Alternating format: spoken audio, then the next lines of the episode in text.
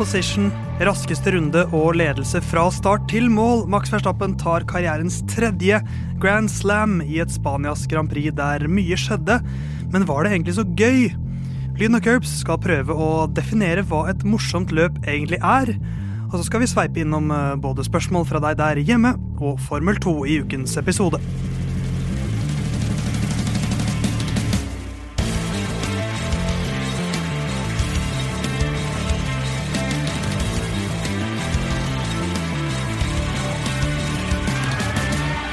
Ja, ja, mensan lyden av curbs er tilbake. Spanias Grand Prix i fokus i dag. Theis sitter bak spak og klaff. Men det er spesielt ett fravær som har en litt spesiell grunn i dag. Eh, vi skal komme tilbake til hvem som er i studio, men Jon Halvdan, hvor faen er det blitt av deg, mann? Ja, da tar jeg en eh, Herman og er ikke på sending i dag. Og jeg har ikke noe annen unnskyldning rett og slett enn at eh, jeg har tatt ferie denne uka. Fordi på lørdag så gifta jo jeg meg. Det har jo vært fortalt i det vide og breie om at det skal skje. Men det ble en helt utrolig fin og magisk dag. Theis og Herman har sett meg gråte enn de fleste andre har gjort i løpet av dagen. Så helt utrolig takknemlig for at den dagen ble så bra som den ble. Og nå er jeg og kona på vei til en containerhytte ved Numedalslågen, litt sør for Kongsberg og nordvest for Tønsberg. Og Henriette, er du fornøyd med den jobben Theis og Herman gjorde i helga?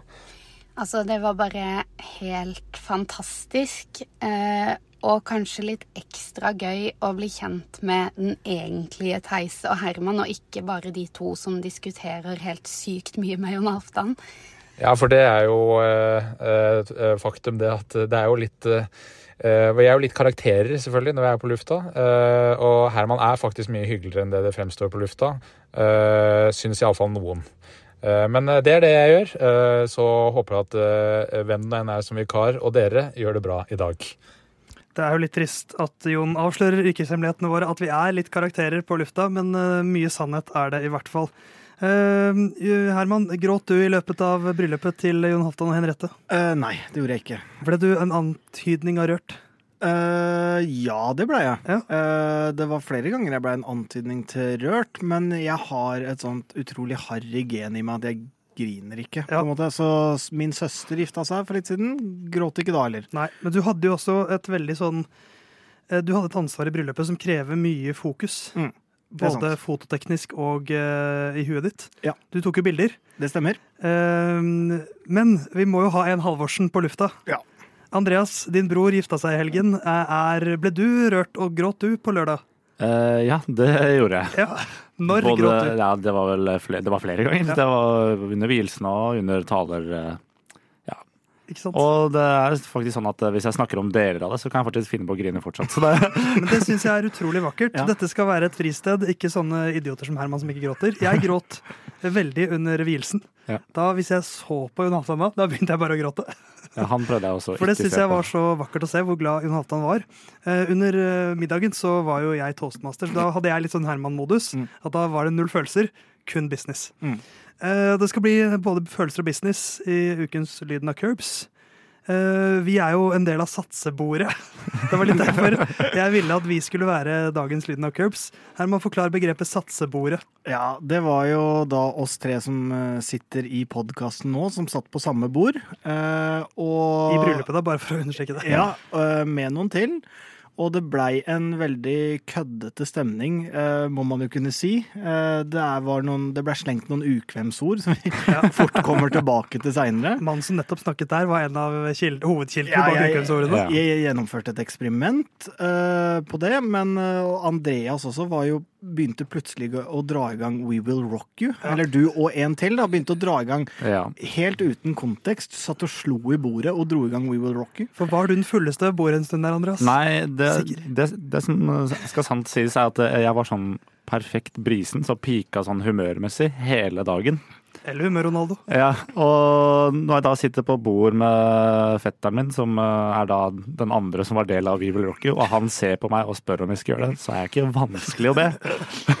Så da er det, ja, vi var også det bordet som starta klirring eh, i glassa flest ganger, eller stort sett hver gang. Vi er også kjenner opp satsebordet. Vi får eh, kanskje legge bryllupet litt bak oss. Men før vi eh, legger bryllupet helt bak oss, skal vi ha et bryllupsspørsmål fra Helene Pedersen, Mhm. som lurer på hun har spørsmål til deg, Andreas. Okay. Hva syns du egentlig om barten til Herman?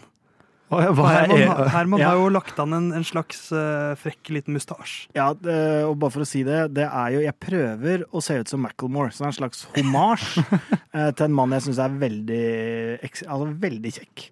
Eh, Men det Andreas sa, var jo i bryllupet så sa han at han skulle komme med sin mening om barten, men ikke nå. Nei, ikke var det han sa i bryllupet. Så nå er Sånn jeg forsto det, så ville hun ha den nå. Uh, ja, Helene ville høre det nå. Ja. Yes. Nei, hva jeg syns om Morten. Det er det samme jeg tenker om når det går sånn tre dager for meg selv, og jeg ser meg selv i speilet og bare Nå er jeg stygg. Den må vekk. Det er litt sånn, Dere kan jo se på meg nå. Er, jeg nærmer meg det nivået på bart. Jeg, kan, jeg må gi det noen dager Ja. til, så er jeg der. Men uh... Heldigvis, Herman, så er jo ikke du en fyr som begynner å gråte. Nei, nei, det er sant.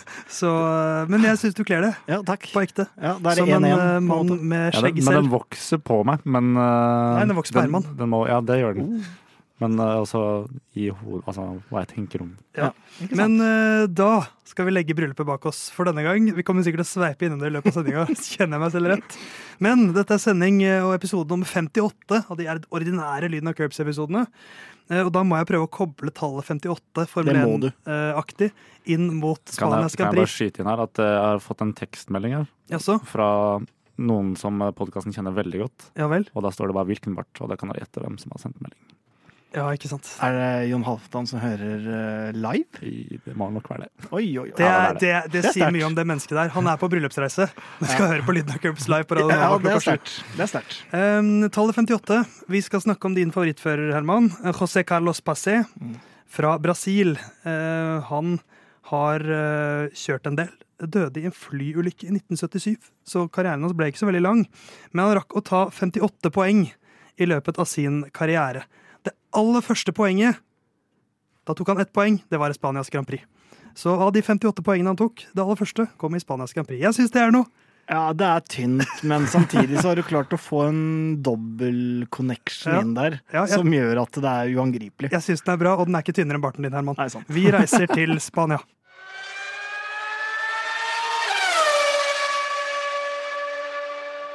Spanias Grand Prix for et flott Grand Prix, Svetterand Borgstrøm. Mm. For nå har du på deg Svetterand-capsen, Det har jeg. som er da Aston Martin-capsen du kjøpte under Spanias Grand Prix i fjor. eh, Og som du svetta såpass mye at det er blitt en permanent svetterand Ja. på den. Ja, det er helt riktig. Og den eh, Som at barten er en homasj til Macclemore, så er capsen en homasj til eh, Barcelona Grand Prix.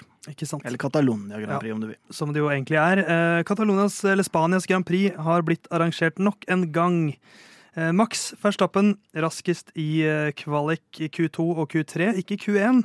Der var Louis Hamilton raskest, eh, men det ble fortsatt en veldig så fin helg for Maxegutt. Carlos Sainz fra P2 eh, etter kvalik, Lando Norris og Pierre Gasly var jo faktisk oppe på P, P4 der, Lyden av Norge, men fikk en grid-straff som gjorde at han mistet Han fikk to tre- treplassstraffer.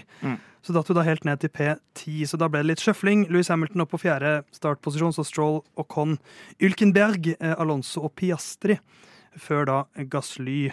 Eh, Charles Leclerc eh, gikk det ikke så bra med, og ja, hva var det som skjedde? Han fikk et 15 Ja, det var vel motorbytte som var der. Altså, han uh, sleit jo hele helga, Ja. uh, som var bare helt sånn corny opplegg. Uh, og jeg vil også nevne når det gjelder Gasly, så syns jeg den ene tidsstraffa er helt uh, grei. Den andre syns jeg nesten virker litt streng. Men det er vel litt sånn hvis du har rota deg rundt i for mye greier, så må du straffes for litt også. Så Og impeding, som det jo er, at du hindrer noen under kvalifiseringen, det slås det ofte ganske hardt ned på. Og det er jo på en måte som regel ikke hans skyld, det er jo ofte informasjonsflyt uh, som mangler, at han ikke vet at her kommer det en bil.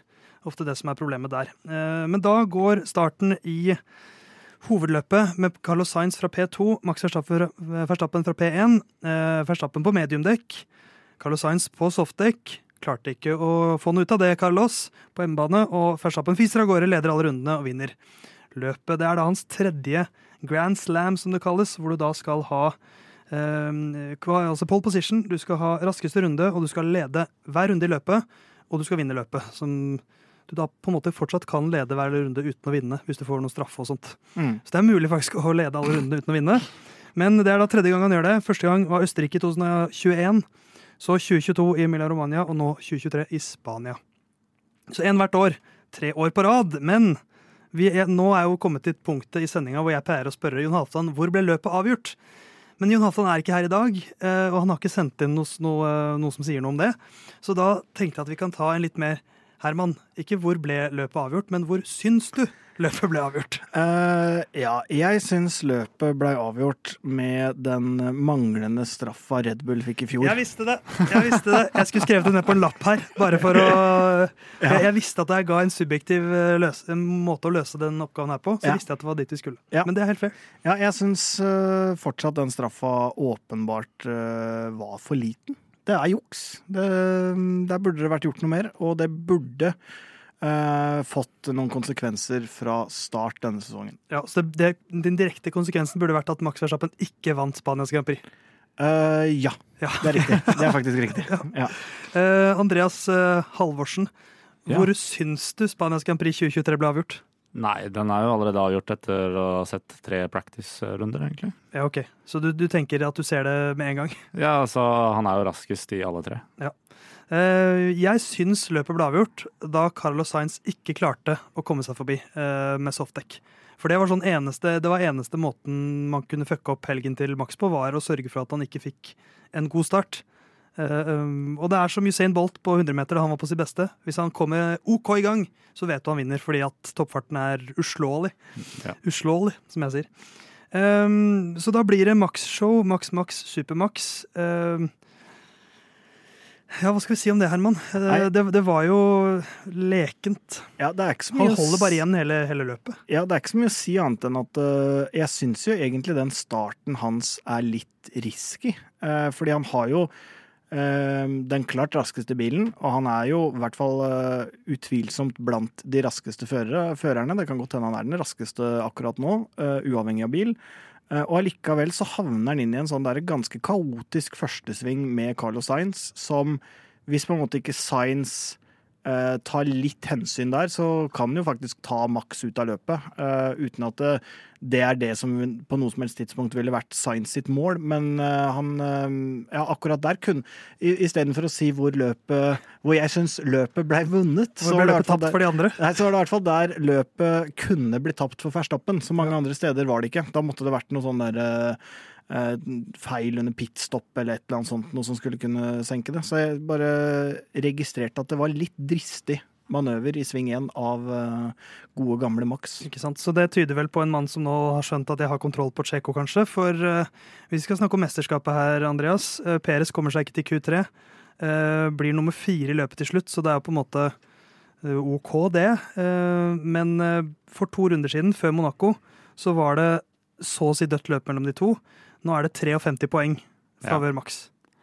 Ja, en skal jo egentlig tenke seg til at det burde ikke være noe problem for Peres å kjøre seg gjennom hele feltet og bli nummer to her. For um, Verstappen er jo så dominerende som han er. Altså, Ja. Hvor mye holder han igjen, da? Det, er jo det, det jeg lurer på. det ser vi jo på runde 61 der, hvor det er sånn Max bare passer på dekken og kjører null stress, og så blir han vel bedt om å du trenger ikke å ikke tenke på raskeste runde. Det er ikke noe vi trenger å bry oss om. Mm. Og så bare dundrer han inn en runde som er så mye raskere enn alle andre sine beste runder. Uh, og så roer han det litt ned igjen. Ja. ja, han holder åpenbart igjen. og Hadde, hadde man bytta posisjon, hvor det var Peres som på en måte suste ifra uh, i front, og Verstappen var den som starta langt nede, så ville jo Verstappen åpenbart klart å komme seg opp på en andreplass. Og Ja, Og mest sannsynlig så ville han jo klart å ta igjen Tsjeko, som ikke hadde fått den store luka han skulle heller. Så det er, jo, det er jo en ganske stor klasseforskjell på de sånn det er nå. Og når det gjelder sammendraget, så syns jeg jo nesten man heller må begynne å se på Og det sier litt om hvor utopi det er at ikke Verstappen skal vinne, da. For jeg syns nesten man må begynne mer å se på kan Aston Martin få til noe med Alonso, eller kan eh, Mercedes trylle med Hamilton? Ja. At de tar igjen nesten 100 poeng, er liksom nesten mer sannsynlig enn at Perez tar igjen de 50. Det er faktisk, eh, Der hadde det kanskje ikke Jon Halvdan vært enig, for han er en Sikkert petimeter, men jeg er enig. Ja. Eh, men hvis vi ser på konstruktørmesterskapet nå, andreplass Mercedes 152 poeng, Max Verstappen 170 poeng. Så det vil si at hvis Max Verstappen var en konstruktør og bare hadde én bil, så hadde han leda Ja. begge mesterskapene. Eh, og nå har vel Red Bull leda noe sånt som 97% av rundene så langt i årets sesong. Som er typ McLaren hadde en sesong på 90-tallet eller noe sånt, hvor de var like dominante. Men det er typ den mest dominante sesongstarten ever. Ja, men det får man så kjeft for hvis man sier. Må- Men, ja, ja, ja, men, men det er ikke, jeg, jeg sier ikke at det nødvendigvis er noe negativt, eller at de Nei, nei, men for, jeg bare ser sånn på Twitter, og Jon Halvdan hadde garantert sagt det. Hvis man sier at det, ja, har aldri vært større forskjell på, eh, liksom, på bilene da, mellom én og to, så er folk så eitrende forbanna, for det skjedde et eller annet på 70-tallet, og så var det noe 2012-sesongen vår. Altså, altså, det var alltid et eller annet annet å referere til. Men ja, 20-tall. Ja, men at det er en enorm forskjell nå, det er jo helt åpenbart. Og de tallene er jo helt sprø.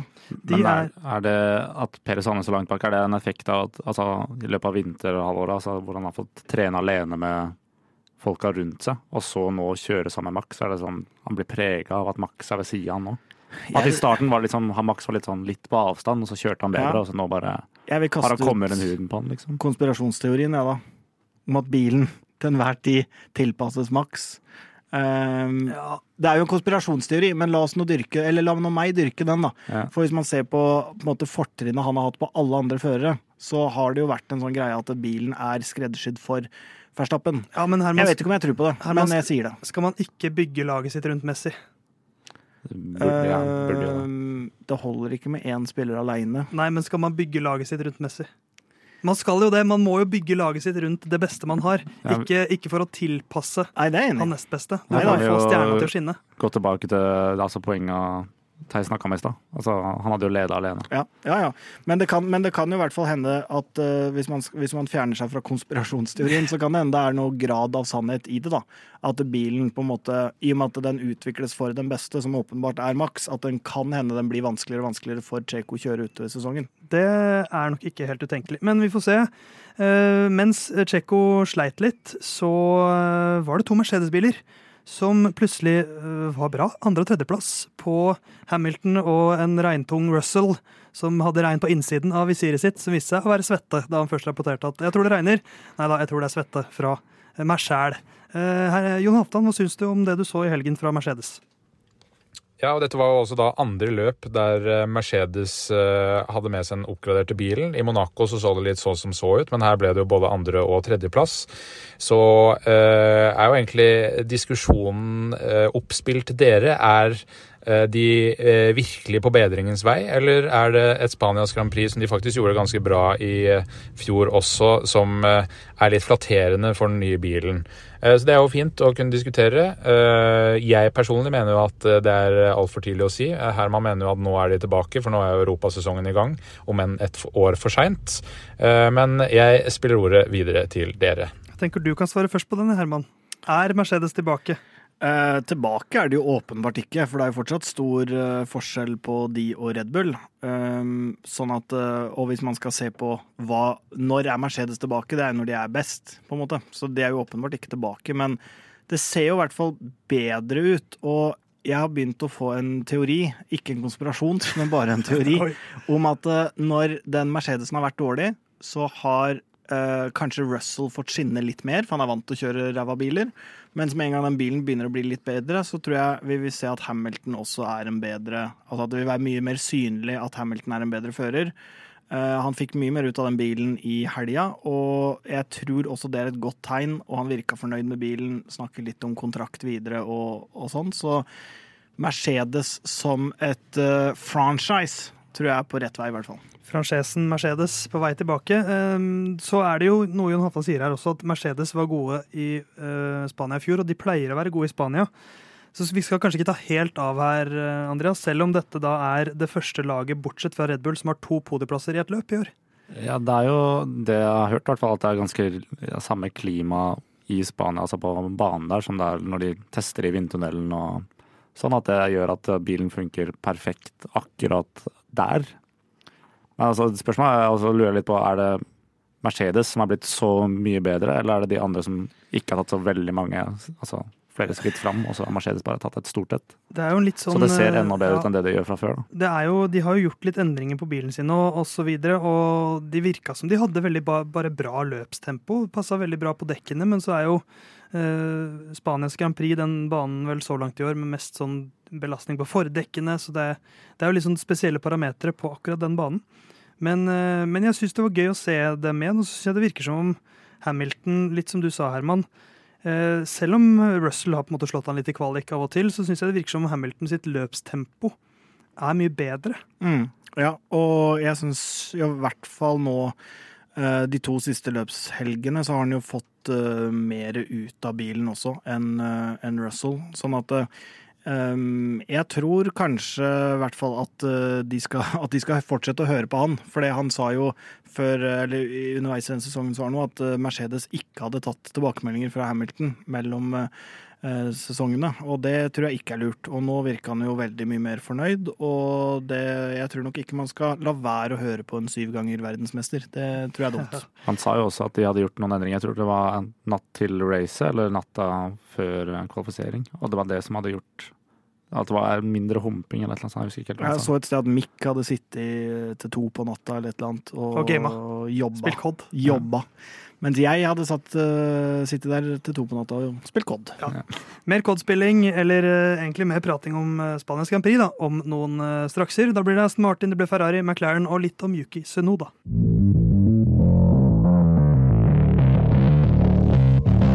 Litt lenger bak eh, de beste, eh, men ganske høyt oppe i kvalik, så var McLaren. Eh, Landon Norris tok rett og slett eh, P3 fra, fra kvaliken. eh, Leverte veldig bra tider gjennom hele eh, kvalikøkta der. Eh, Vi hadde også Oscar Piastri som kom seg til eh, Q3. eh, Ble da en niendeplass i løpet etter at Gasly fikk da sin dobbeltstraff, men var jo da P10 etter kvaliken, egentlig.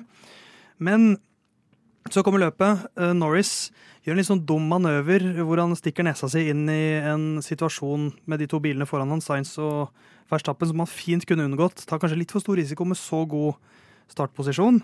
Pitter går over på harde dekk, og så tenker jeg ok, nå skal jeg følge litt med her. Eh, dette kan bli en sånn eh, hvor han faktisk har bra løpstempo og kjører seg ganske bra fram. Kommer jo ikke av flekken. Nei, det var Hva skal jeg si? Jeg Selv om han har et dårlig løpstempo, uh, som du fokuserer på her, så vil jo jeg heller si at den kvaliken var veldig oppløftende, da. Um, så er det selvfølgelig noe å få kontinuitet i det og sånne ting, men at, den, at han kan levere en så bra kvalik, øh, viser jo i hvert fall at øh, McLaren kan liksom få til noe. De er på en måte, på en måte blitt Has. Ja, det er har sagt at Has skal gå for kvalik. Ja. Men, men, men de sliter jo litt med det samme som Ferrari, virker det som, som også har bra kvaliktempo. P2. Eh, så fikk vi ikke helt se hva Leclerc var god for, men så virker jo Ferrari selv, de, de sier det selv, de, eller i hvert fall Science har nesten sagt det, at vi aner ikke hvordan vi får varme i de dekkene. Det, det er liksom Vinduet hvor de dekkene funker, Mm. er så smalt på Ferrariene. Ja, Hva gjør man da? Nei, det, er ikke, det har ikke jeg svaret på. Men jeg har en tanke når det kommer kommer til den eh, checking. situasjonen med Norris helt på starten, at han taper veldig mange plasser fort. Og da er det fort gjort å bare At det går en liten faen i deg, at du bare prøver så godt du kan å holde plassen. Da er det fort å få skade, sånn som han gjorde. For så vidt. Men, men jeg syns det var uh, trist, fordi McLaren har liksom, de, de virker litt de, Begge de lagene, og egentlig litt Aston Martin også, de, de var så spennende og friske og raske i starten. Mm. Mista litt sånn piffen, eller? Ja, det vil jeg si. Og hvis vi skal snakke om Aston Martin, så syns jeg jo ut, P6 og 7 da i løpet. ja, utviklinga ser jo litt uh, kinkig ut for deres del. Og det har jo kanskje vært noe av eh, altså hovedspørsmålet også. Hvor mye klarer de å gjøre i løpet av en sesong? Fordi de har i hvert fall ikke sett ut til å knappe innpå uh, Red Bull. Um, og nå ser det ut som at eh, avstanden kanskje har blitt litt større. Og samtidig så kommer jo Mercedes eh, bakfra, sånn at kan fort hende at den eh, andreplassen i sammendraget, som i hvert fall på starten av sesongen så veldig trygg ut, eh, fort ryker. Og de har jo Nå er de, bak, nå er de 18 poeng bak Mercedes. ja, og de har jo stort sett én fører å kjøre med også, da. Man må jo innrømme det. Ja, så det, det bør vi altså Stroll sin sjetteplass er jo, han tangerer jo sitt nest beste resultat i år. Mm. Eh, Som sier jo litt om at han kanskje ikke har vært så god på å makse denne bilen. Men sånn som eh, Hamilton, nå er han tolv poeng bak Alonso i kampen om tredjeplassen i, eh, i førermesterskapet. Så det går rette veien for Mercedes, kanskje, uten at vi skal ta helt av etter, Det går rette veien. etter Spania. Ja. Men jeg syns jo de liksom De har i hvert fall ikke en pil som peker flatt eller nedover, som jeg føler kanskje Aston Martin har.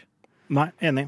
Eh, og det går rette veien, og så mm, konkluderte vi jo i stad med at Mercedes er ikke tilbake. Men eh, hvis man ser litt sånn eh, Ferrari fra i mm, sånn midtveis i fjor, så har jo de bare blitt dårligere, på en måte. Aston Martin fra starten av sesongen holdt jo litt følge med Red Bull, men ser jo nå ut til å gå litt tilbake.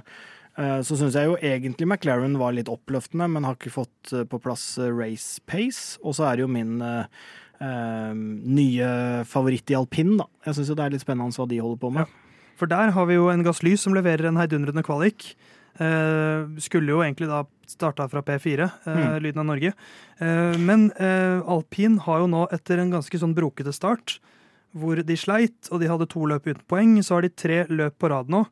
Med ganske sånn solid poengfangst. Um, I Miami 8. og 9. plass, 3. og 7. plass. I Monaco 8. og 10. plass. Mm. Her nå har de 40 poeng, det er da 60 opp til Ferrari. Men uh, de har 23 ned til McLaren, så de har jo etablert seg veldig nå på den femteplassen. Mm. Absolutt. Og Ocon har levert uh, ganske bra. Gasli ser ut til å begynne å få litt tak på den, på den bilen. Og det er jo også litt sånn at uh, de klarer å få til litt i kvalik nå, men kan på en måte backe det litt opp i løpet. Og det tenker jeg jo er en, eh, en positiv tendens, da, for motsetning sånn, hvis vi skal sammenligne med McLaren akkurat nå, så klarer jo ikke de helt å sette det sammen til, til en god race weekend. Jeg personlig er jo jeg er veldig glad i Gasly. Han står jo for et av mine favorittøyeblikk i løpet av min tid hvor jeg har fulgt Formel 1. Da ble kasta ut av Red Bull-bilen. Ja, når han ble kastet av Nei, når han vinner, eh, det var vel Imola. Ja, det var Monza. Det var, ja. Italia. Det er Italia. det var derfor det var det jeg sa var sånn. Ja. Ja. Men eh, mens disse gutta klarer å ta poeng osv., så, videre, så er det en kar som jeg har på en måte lagt min elsk på. Mm. Kanskje mest fordi han kjører sammen med en jeg hater. Uh, nei da, jeg gjør ikke det. Jeg gjør ikke det, jeg gjør ikke det.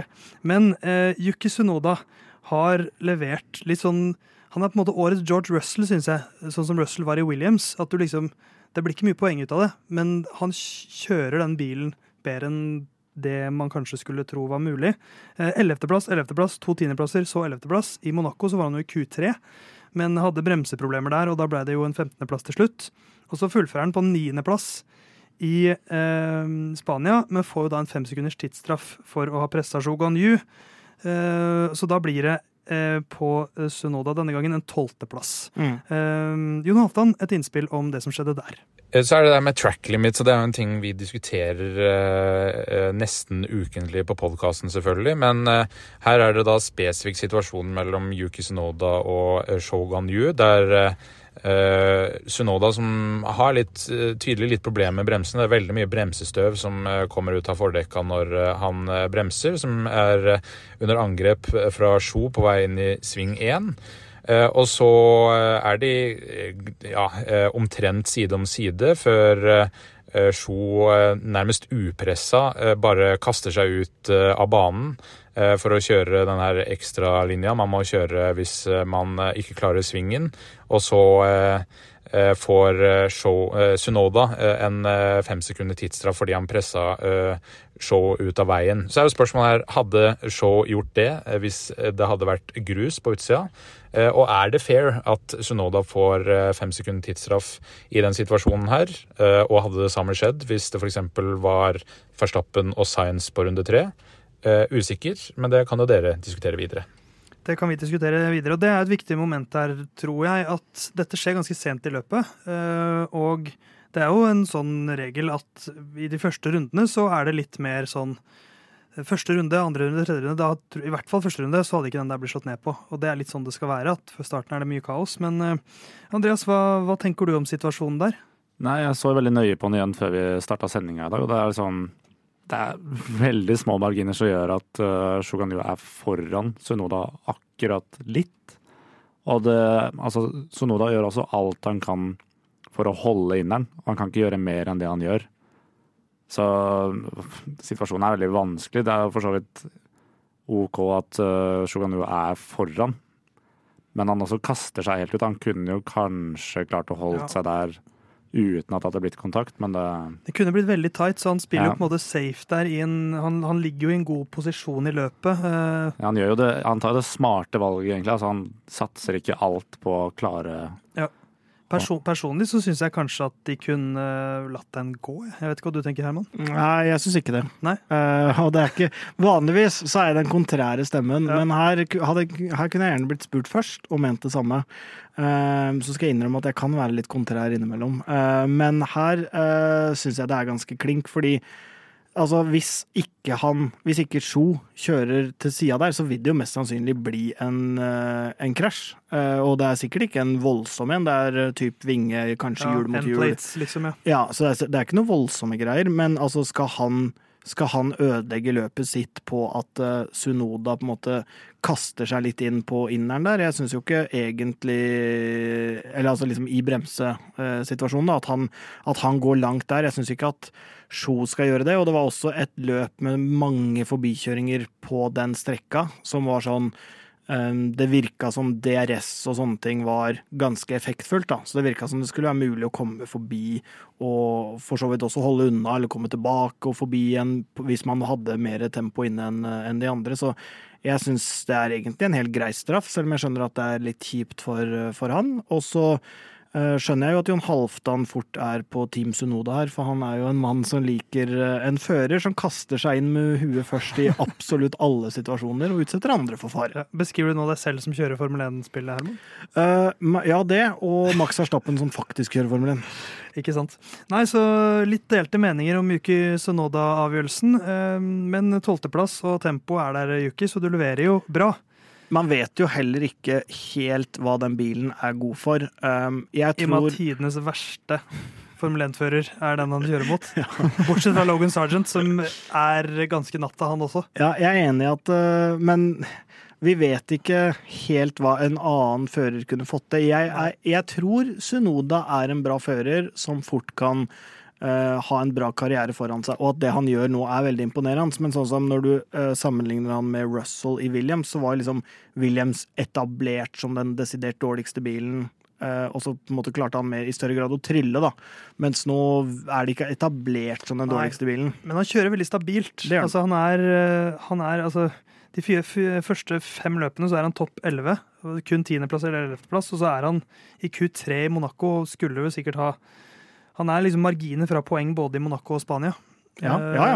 Eh, Så stabiliteten der er jo veldig bra. Og det er viktig i Formel 1. Stabilitet. Mm. Det er jo derfor vi mener at Carlos Sainz er en bedre fører. Ja, og se på den i Barcelona! Charles Leclerc, ja, han herjer for tiden nå, Mm. eh, Carlos Sainz, og nå er han jo også forbi med ganske god margin. Eh, Nå har han 16 poeng på Charles Leclerc, så nå kommer Carlos og tar Charles. Vi skal se hvordan vår tipping går for tiden.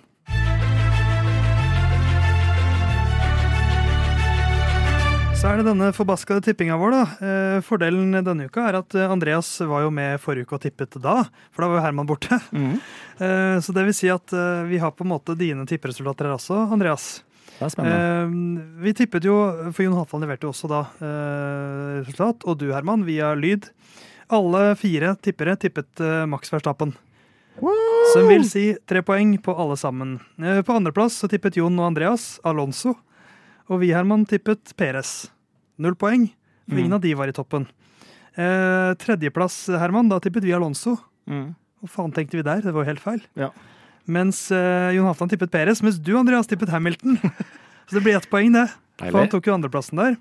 Eh, som vil si at foreløpig så er det da tre poeng på Jon Halvdan, Theis og Herman, og fire poeng på Andreas. Ja, du tar som, er, tar som er snart igjen. Fra, denne, fra denne runden. Du tar som er snart igjen. Men vi må jo bare gå gjennom hvordan det gikk med ukens sjuking også.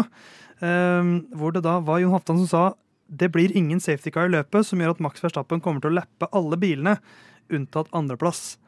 Det blei jo ingen safety car i løpet, Nei. og Max Verstappen tok igjen ganske mange biler, men ikke mange nok. Han tok igjen eh, åtte biler. Så ja. de tolv beste bilene de var da på vinnerrunden. Eh, så det blir null poeng det på Johnny Boy, selv om han er gift. Eh, jeg tippet at ingen spansktalende poeng blir det. Og minst én spansktalende DNF. Det ble jo både spansktalende poeng, selv om det ikke gikk så bra med noen av de spansktalende gutta. Eh, Så jeg var på en måte på sporet av noe, som jeg pleier å si hver gang. Ja, jeg Eh, husker ikke hva jeg hadde, så nå er jeg spent. Jeg vet ikke helt om jeg syns Andreas eller Herman var nærmest, nemlig. Dere, sitter, dere som sitter her nå. Eh, du, Andreas, hadde Stroll blitt kjørt ut av Sunoda pga. damekrangel. Ja. Og Sunoda holdt jo på å kjøre ut noen. Han Sånn sett er du på sporet av noe, som jeg ville sagt. Ja, han glemte bare å ratte over til venstre. Men det det Shogunua Men det var ikke Stroll, og vi har ikke noe bevis på at det var damekrangel. Nei. Mens du, Herman, er jo på en måte den som er nærmest. For du sa Louis Hamilton vinner. Mm. Og det vil si, du er jo på en måte en, motto, en biltrøbbel unna og har rett. Jeg er jo jækla nærme, faktisk. Den er kjempebra. Ja. Så uh, Men, får men det er jo kjeft, da, for jeg tippa bare vinner, som betyr eh, fører én foran fører Foran 2, alle. 3, 4, 5, 6, 7, 8, 9, 10, 11, 12, 13, 14, 15, 16, 18, 19. Ja. Og det får man jo kjeft for. Ja. Som gjør at uh, jeg ikke får ta poeng i det hele tatt, da. Nei, men du hadde ikke fått poeng uansett. Kjeft eller ei. Men det gjør da at i sammendraget så er det du, Herman, som har 20 poeng. Du er sist. Theis, som er meg, har 27 poeng. Eh, Jon Halvdan har 30 poeng. Og så er det denne teite algoritmen Jon har laget da, Mm. for gjesteopptredener. Så din kanonhelg nå, eh, Andreas, gjør at gjestene leder med 42 poeng. Og jeg aner ikke hvordan den algoritmen Da vil jeg Funker. bare si til Ole og Tobias, som har vært de andre gjestene, at eh, nå, Nå har dere nå, nå er vi der. Der vi skal være. Det er der dere skal være. Vi eh, kan se om Dennis Hauger da, var han der han skulle være denne helgen.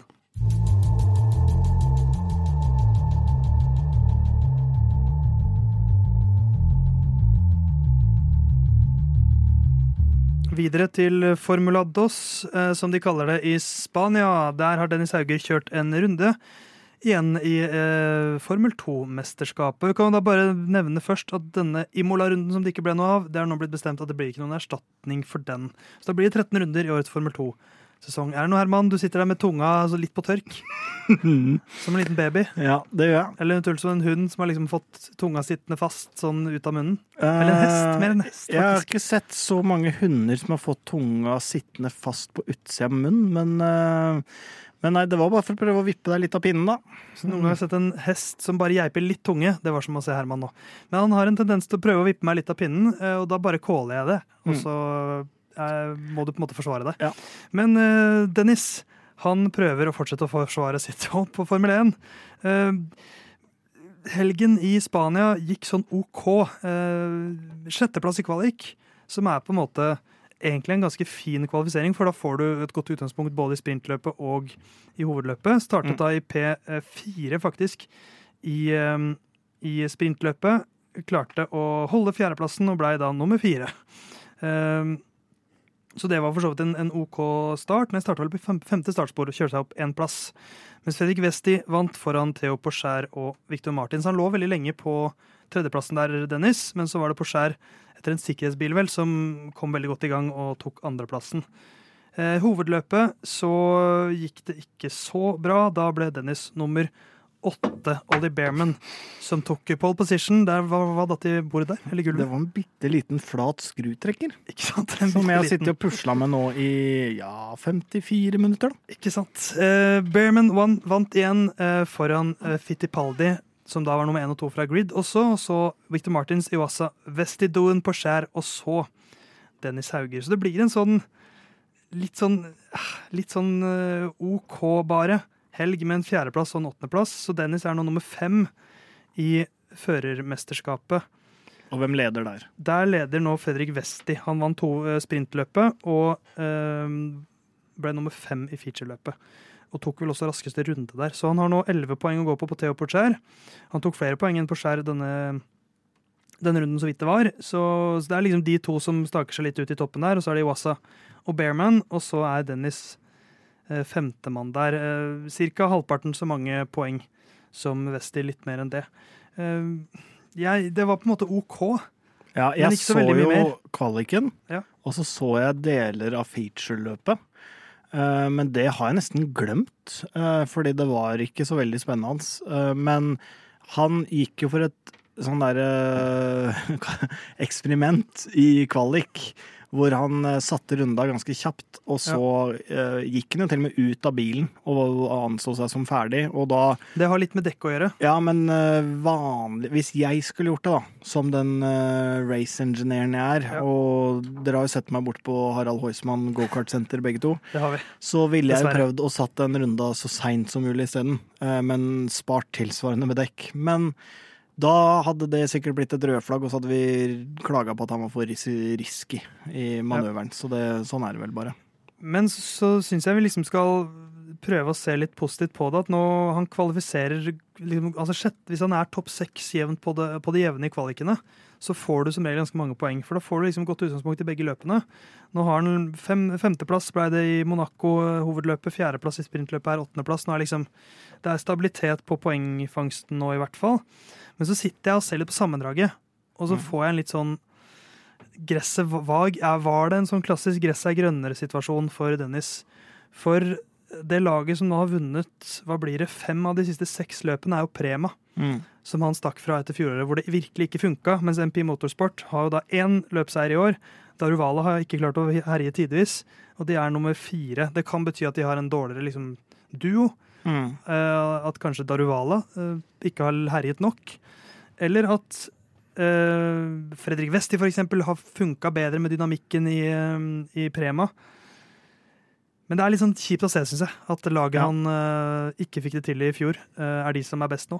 Og det løste seg jo mye mot slutten av sesongen i fjor også, som gjorde at det på en måte fremsto som et dilemma. Fordi hadde man, hadde man skulle ta den avgjørelsen midtveis i fjor for eh, Denis Augier, så hadde man jo bytta tvert. Men så begynte det jo å se bedre ut, og de fikk en større forståelse for hverandre. Det var i hvert fall det de sa, da. Eh, Jeg var ikke flue på veggen i de eh, diskusjonene, men det var i hvert fall det som ble sagt. Og så har han jo hoppa over, og så ja, da har det jo blitt som det har blitt. Men Men det er ikke krise, han er femtemann. det er litt krise, altså. Det er ikke litt krise. Det er litt krise. eh, det er ikke krise.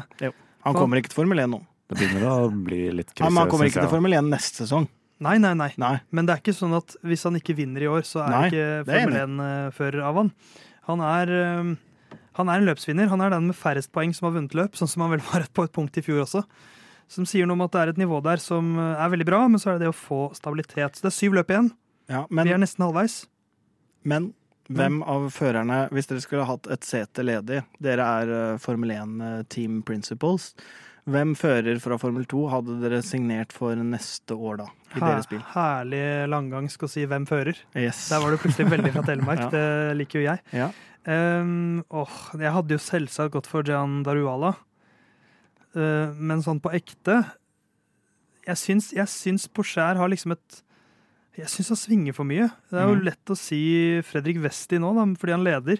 Men jeg prøver å si noe annet. Jeg sier Ollie Bearman. ja, det er klink for meg òg, Ja. Ollie Bearman. Du hadde Med gått for Juri Vips, du. Nei, nei, nei, nei, nei, nei. Men uh, han så jo bra ut, han òg. Men uh, Ollie Bearman med den alderen uh, Det er litt det jeg tenker på. Ja. Jeg hadde hatt han der Victor Martins Ja. som nummer to, liksom. Har du noen favoritt, Andreas?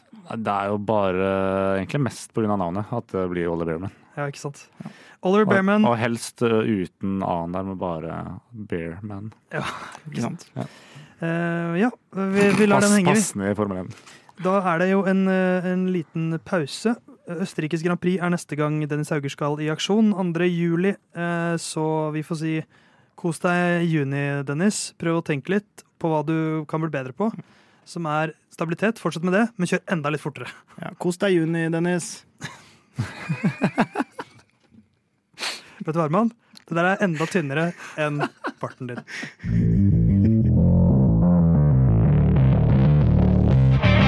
Spania ligger bak oss. Det er en liten stund til det neste løpet, så eh, Da var det en ting som slo meg etter Spanias Grand Prix, Um, og det er at vi ofte liksom snakker om Var dette et gøy løp? Ja, og så begynte jeg å tenke på hva er egentlig et morsomt løp? Hva skal til for at jeg syns et løp er morsomt? Så jeg tenkte vi skulle prøve liksom å definere litt hva vi syns et morsomt løp er, eller hva skal til for at et løp kan bli kalt underholdende, da. Eller at vi skal kunne si at oi, dette, dette koste jeg meg med. Ehm, så, jeg, så jeg kan begynne med å bare stille det spørsmålet åpent. Jeg kan begynne med deg, Andreas. Hva er et morsomt Formel 1-løp for deg? Ja, nå, jeg vil svare for Herman, egentlig, først. Ved å si at eh, ja, for meg så er et løp først og fremst gøy hvis Max Verstappen ikke er med. Og helst ikke Red Bull heller. Ok, Ja, ja, ja det, Og da har man sagt sin mening, så kan jeg ta det er fasit, det. Det er bare du kan fortsette som deg nå. ja. Men hvis jeg skal prøve å nyansere det litt, da, handler det For hvis vi, hvis vi fjerner hat fra ligninga, handler det da om at uh, man ikke vil ha et lag som dominerer? Eller er det kun hvis det er Red Bull som dominerer, at det ikke er gøy? Nei, nei, nei, nei, nei. Man vil ikke ha et lag som dominerer. Det er det det handler om. Eh, ja, ja. Der er jeg også Ja. for så vidt enig. Definitivt. Og så blir det jo litt sånn som Altså når du ikke vil ha et lag som dominerer for løpets skyld, og så tar man da den idrettsutøveren man syns er minst sympatisk I hele verden. i hele verden, sånn ut, altså, du har ganske sånn ekstreme utøvere som er høyere altså, Ja, men de har ikke jeg noe Det er jeg helt enig i, og Ja. det anerkjenner jeg som mye verre, men jeg har ikke noe personlig forhold Nei, til de, på en måte. Blir det sånn at av alle egentlig ålreite folk i idretten, så er Max Verstappen den verste? Ja, ja, ja. Det blir jo For han sånn. er ikke en jævlig fyr sånn egentlig. Nei, det, det skal jeg være enig med deg. Ja. uh, Men i tillegg da i det, på en måte den idrettsorganisasjonen som jeg syns er den desidert verste, så, så blir det da en slags hat trick der, da. Mm. En slags grand slam, Ja. sånn som Max jo gjorde denne helgen. Men hva syns du, Theis? Jeg syns Jeg er jo helt enig med dere. Jeg, jeg pleier jo å si at jeg heier på spenning. Og spenning får du ikke uten eh, Henning Isdal? Solberg.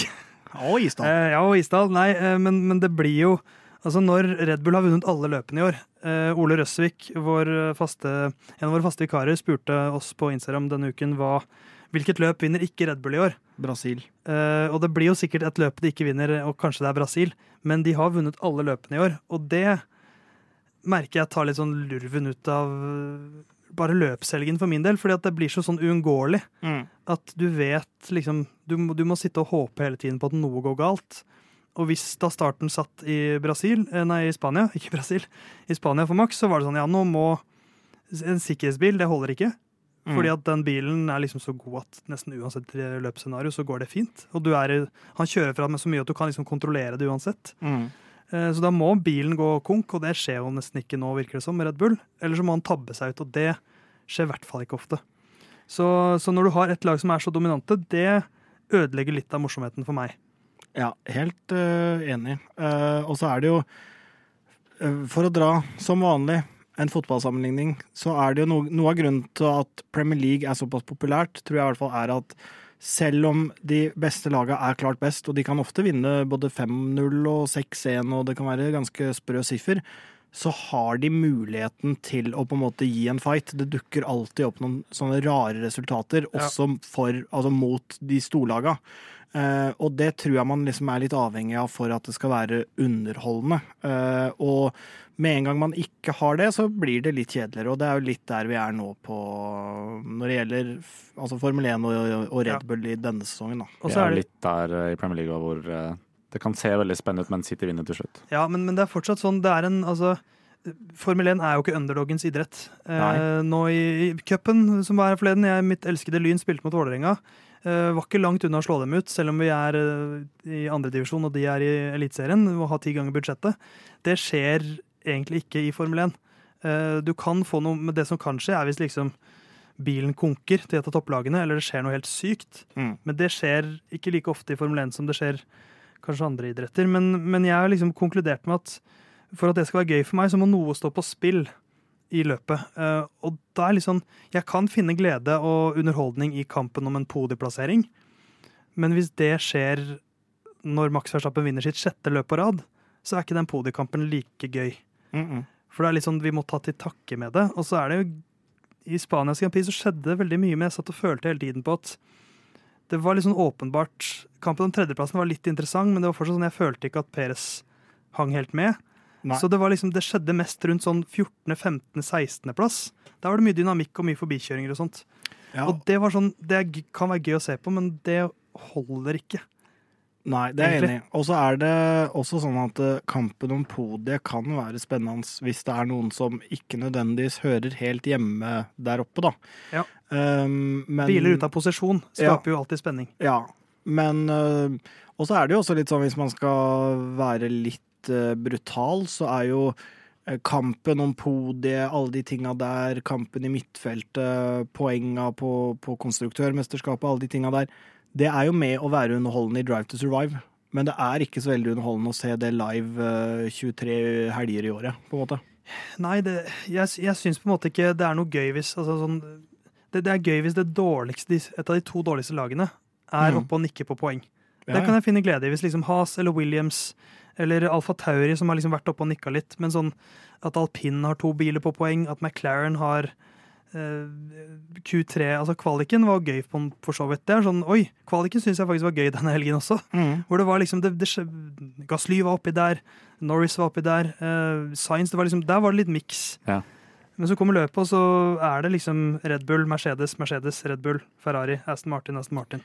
Ja, jeg føler jo også at eh, det på en måte perfekte løpet er jo der at det begynner med at kvaliken ikke er gitt, på en måte. Eh, at man ikke har sett full ytelse på trening. Og det kan være sånn liksom, litt sandbagging, eller at de har prøvd på litt ting, ikke kjørt de samme modusene på samme tidspunkt, eh, sånn at man ikke helt Altså, og at det er flere som kjemper allerede i kvalik, da. Eh, Monaco, for eksempel, var jo en kjempekvalik. Eh, sånn at det, det begynner allerede der, og så kan man jo legge til sånne ting som eh, hvis man har litt værskifte, en opptørkende bane, eller at det regner mer og mer. Så det er jo mange sånne ting, men først Altså, det viktigste er at det er at det er spenning om seieren, da. Ja. Jeg synes det, er, det. det er litt av det poenget mitt med å si at eh, ja, løpet ble avgjort i practice 1, altså 1, 2 og 3. Du ser jo hele tida Ja, de kjører på ulike moduser, men Verstappen er fortsatt Ja. raskest.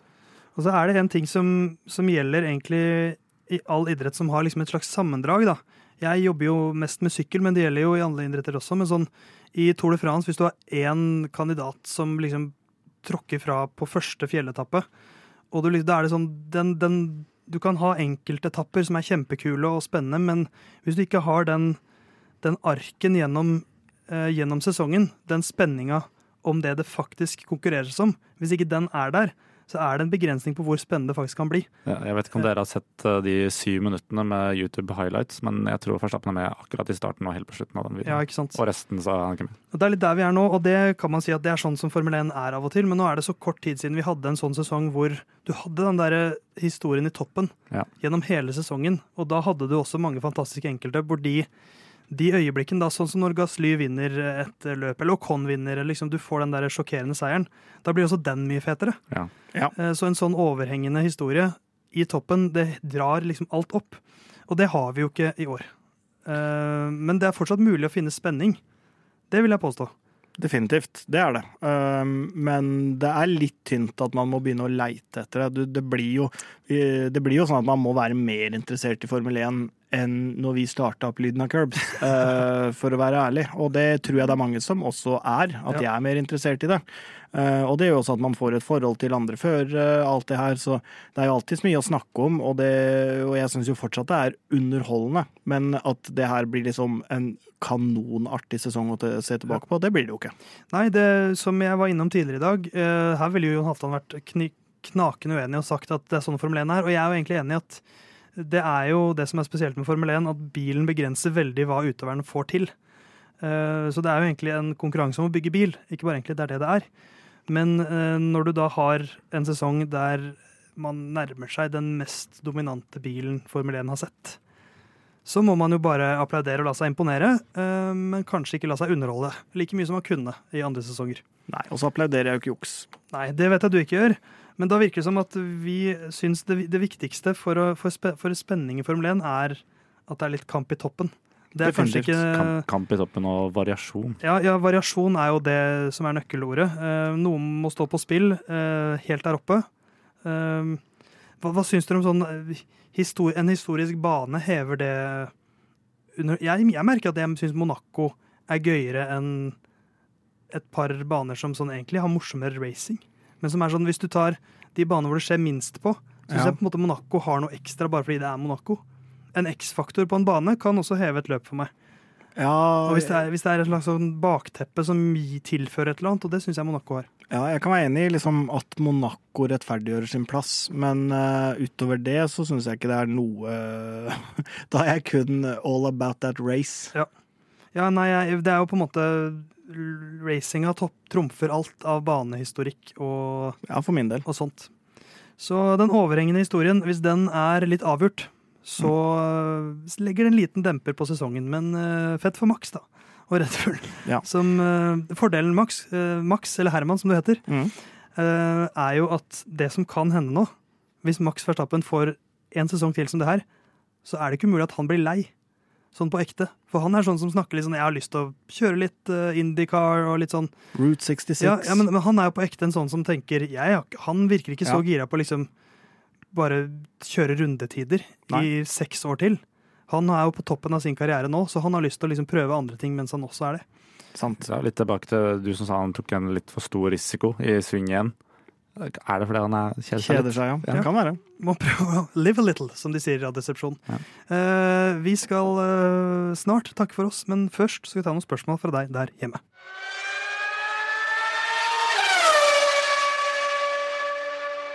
Det begynner å dra seg mot slutten for denne gang her i Lyden av Curbs, men før vi takker for oss, så skal vi ta noen spørsmål fra deg der hjemme. Herman, nok en gang lager han spillopper i studio. Grimaser er gøy, det, Herman. Ja, det jeg fikk vippa Andreas litt av pinnen, i hvert fall. Det var mobbing rett før uh, det stikket her starta, så det, det er jo greit. Ja, men Herman er en mobber. Uh, Nei, det er jeg faktisk ikke. Det Våre kjære lyttere er ikke mobbere. De har uh, slengt inn noen spørsmål, de, i dag. Uh, Daniel Guss, som eh, han heter på Instagram, eh, med et spørsmål som jeg tenkte at dere kunne få svare på. For jeg, jeg har lyst til å høre hvordan dere forklarer det. Ja, den, jeg så den Eh, faktisk. Herman, hva er en undercut? En undercut er at du går inn før den andre. Ja. Og altså pitter før den andre, eh, som gjør at ja. Hvorfor gjør jeg det, da? eh, hæ?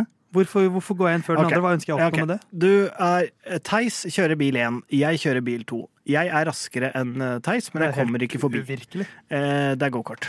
Jeg, kommer ikke nei, jeg kommer ikke forbi.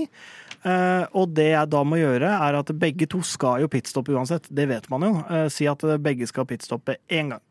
Uh, det jeg da gjør, er at jeg kommer ikke forbi han rakkeren foran meg, så da går jeg inn i pit, får på noen andre eh, dekk, og da har jeg én runde hvor jeg slipper å ligge i rumpa på Theis. Så da får jeg kjøre én runde veldig raskt. Hvis han andre da, hvis Theis går inn rett etterpå, så kan det hende det var nok til at jeg akkurat kom meg forbi Theis, fordi jeg rakk å kjøre litt raskere den ene runda.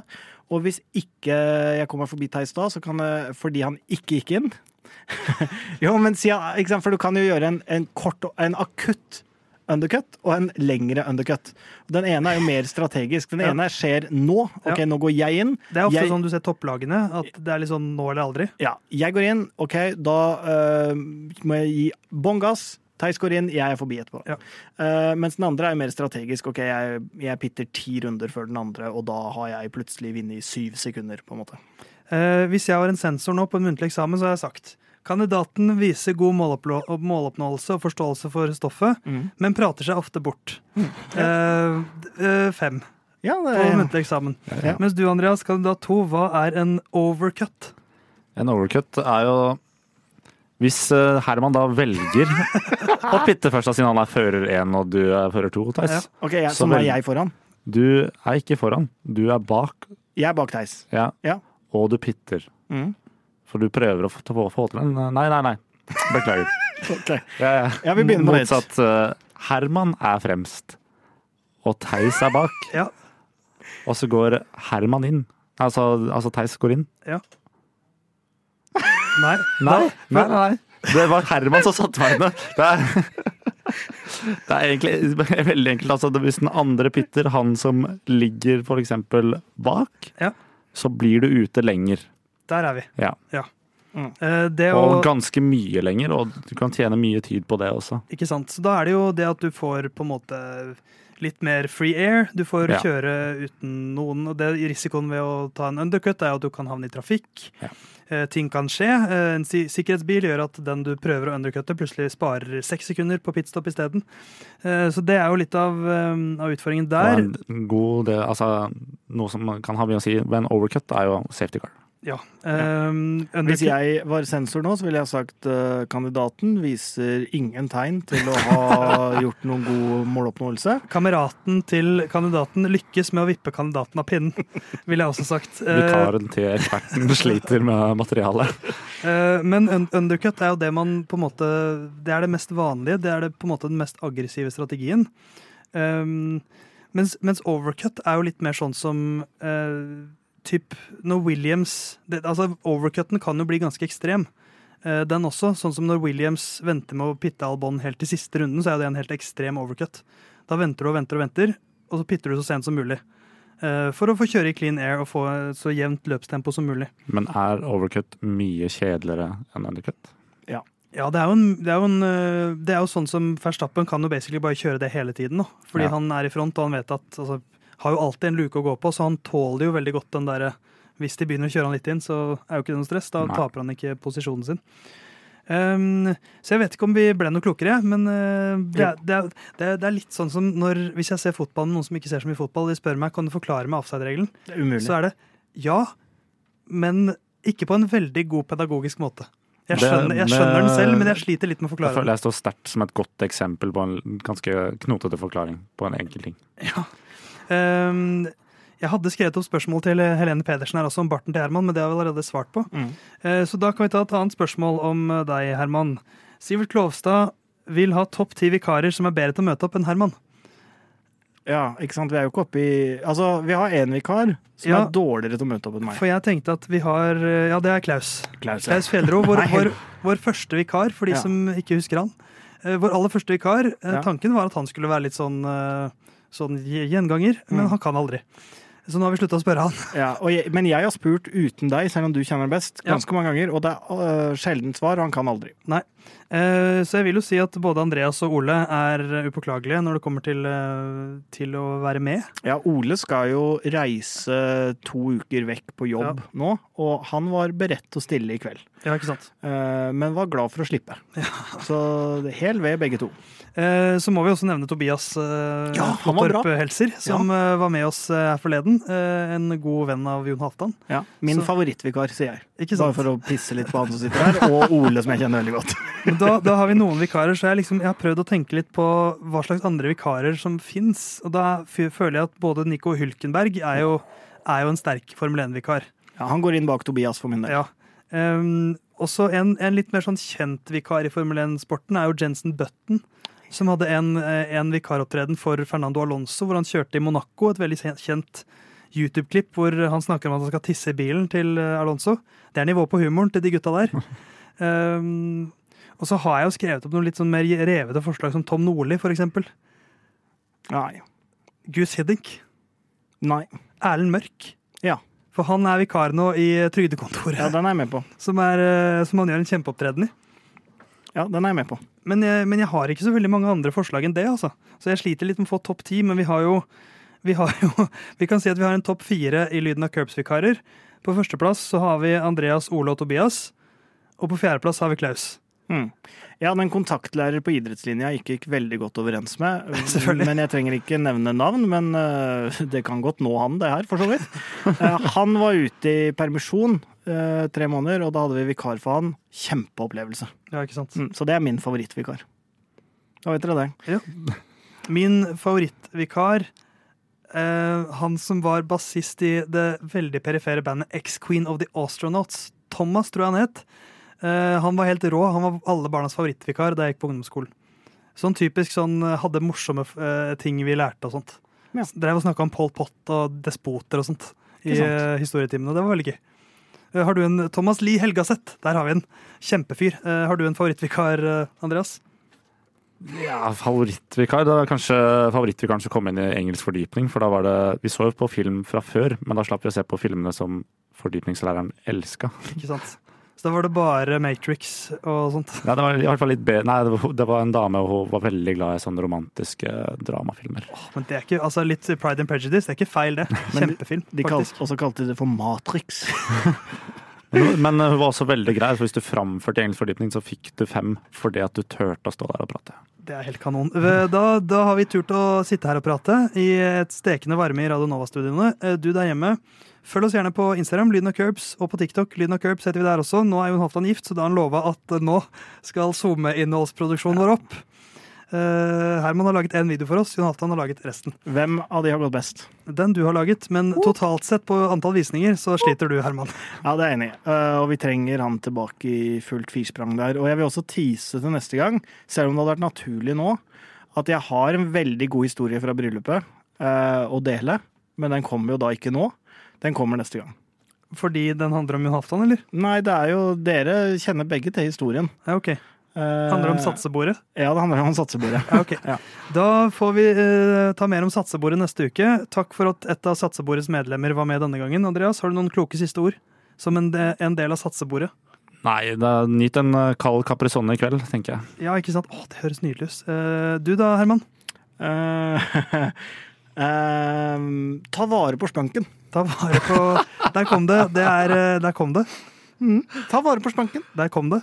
Ja. Det er en slags vits, det også. Det er det. Uh, det er en referanse til satsebordet, som bare satsebordet skjønner. Uh, jeg sier til Henriette Hun Hofsan gratulerer nok en gang med fantastisk bryllup. Håper dere koser dere på bryllupsreise. Vi høres igjen til uka. Canadas Grand Prix skal vi se fram mot da. Kos deg i junivarmen.